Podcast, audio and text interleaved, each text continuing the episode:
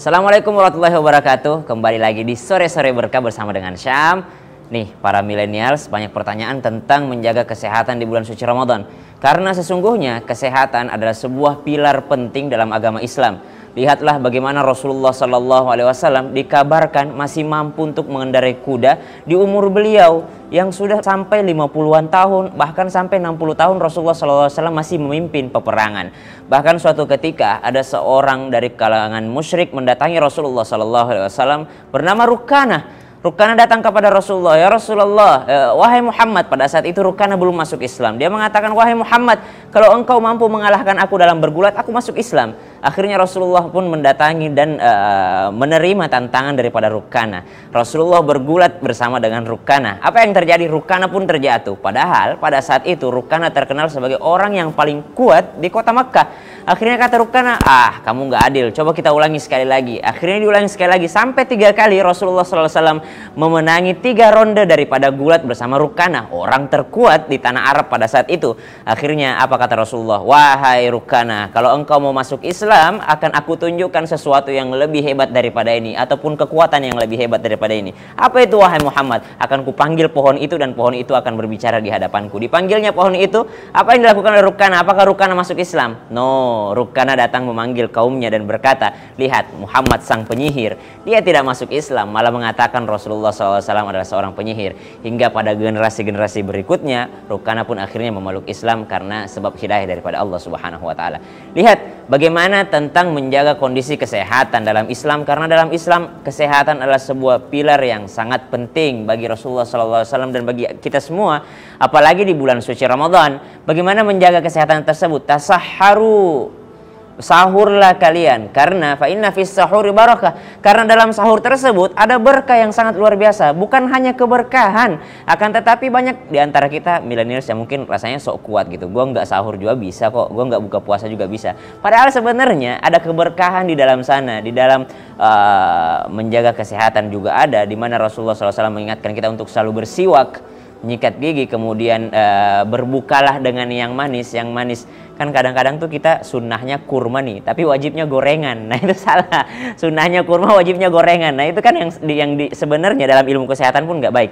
Uh, apalagi uh, kadang kita kebalik harusnya mandinya air dingin kita mandinya air panas minumnya harusnya air hangat kita minumnya malah air dingin atau air es Nah, ini mungkin bisa dibahas lebih lanjut lagi sama dokter-dokter yang lebih ahli dalam bidang kesehatan. Akan tetapi yang ingin kita ambil pelajarannya di sini bahwasanya Islam tidak menyiksa umatnya dalam bulan Ramadan dalam hal menahan lapar dan haus, bukan.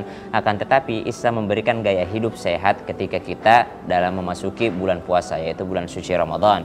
Di mana Rasulullah SAW juga bagaimana kekuatan Rasulullah tapi Rasulullah tetap sahur, bagaimana kekuatan Rasulullah tapi Rasulullah juga tetap berbuka puasa dan tidak balas dendam di saat buka puasa. Kadangkala kita lapar mata nih kalau mau buka puasa nih, semuanya pengen dibeli aja, semuanya pengen dimakan aja. Hati-hati karena di malamnya atau di isyanya kita masih ada sholat terawih. Gimana kita mau kuat sholat terawih kalau makannya berlebihan?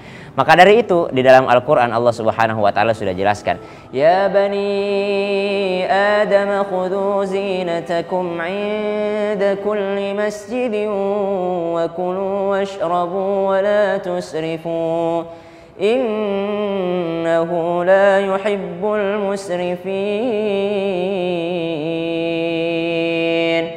Kata Allah dalam Al-Quran surah Al-A'raf, Wahai anak cucu Adam, khudhu zinatakum. Pakailah pakaianmu yang engkau sukai ataupun zinatakum ataupun perhiasanmu inda kulli masjidin. Setiap engkau akan beribadah kepada Allah Subhanahu wa taala, pakai pakaian terbaik menuju masjid, ada ada ada adab-adabnya, pakaian uh, kita harus bersih, suci daripada najis. Kemudian wakulu dan makanlah washrabu dan minumlah wala tusrifu. Kata kuncinya ada di sini, wala tusrifu. Jangan pernah engkau berlebih-lebihan.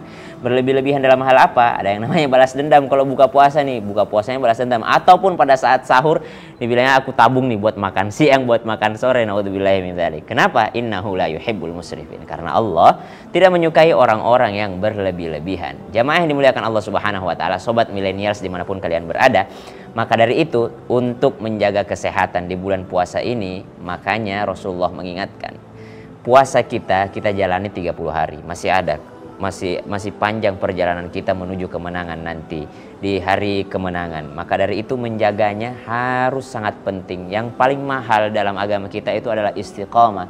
Apa tuh istiqomah? Istiqomah adalah konsistensi kita dalam beribadah. Jangan di awal-awal Ramadan kita kuat, akhirnya di akhir-akhir Ramadan kita melemah. Kenapa? Karena tidak adanya pola hidup yang baik atau pola kesehatan yang baik. Bukankah sudah diingatkan oleh Rasulullah SAW? Ingat sehatmu sebelum sakitmu, ingat lapangmu sebelum sempitmu, ingat tuamu sebelum Eh, ingat mudamu sebelum tuamu. Ingat uh, yaitu uh, hidupmu sebelum matimu ada lagunya dari wal asri innal insana lafi khus illa alladziina amanu wa amilus solihati wa tawassaw bil haqqi wa tawassaw bis sabr demi masa semua manusia dalam kerugian kecuali mereka yang beriman kemudian mereka beramal soleh apa itu beramal soleh beramal soleh termasuk ya, daripada menjaga kesehatan menjaga uh, daya tahan tubuh kita dalam hal menjalani bulan suci Ramadan. Banyak di antara tips-tipsnya termasuk uh, sahurnya, kemudian buka puasanya, kemudian istirahat yang cukup.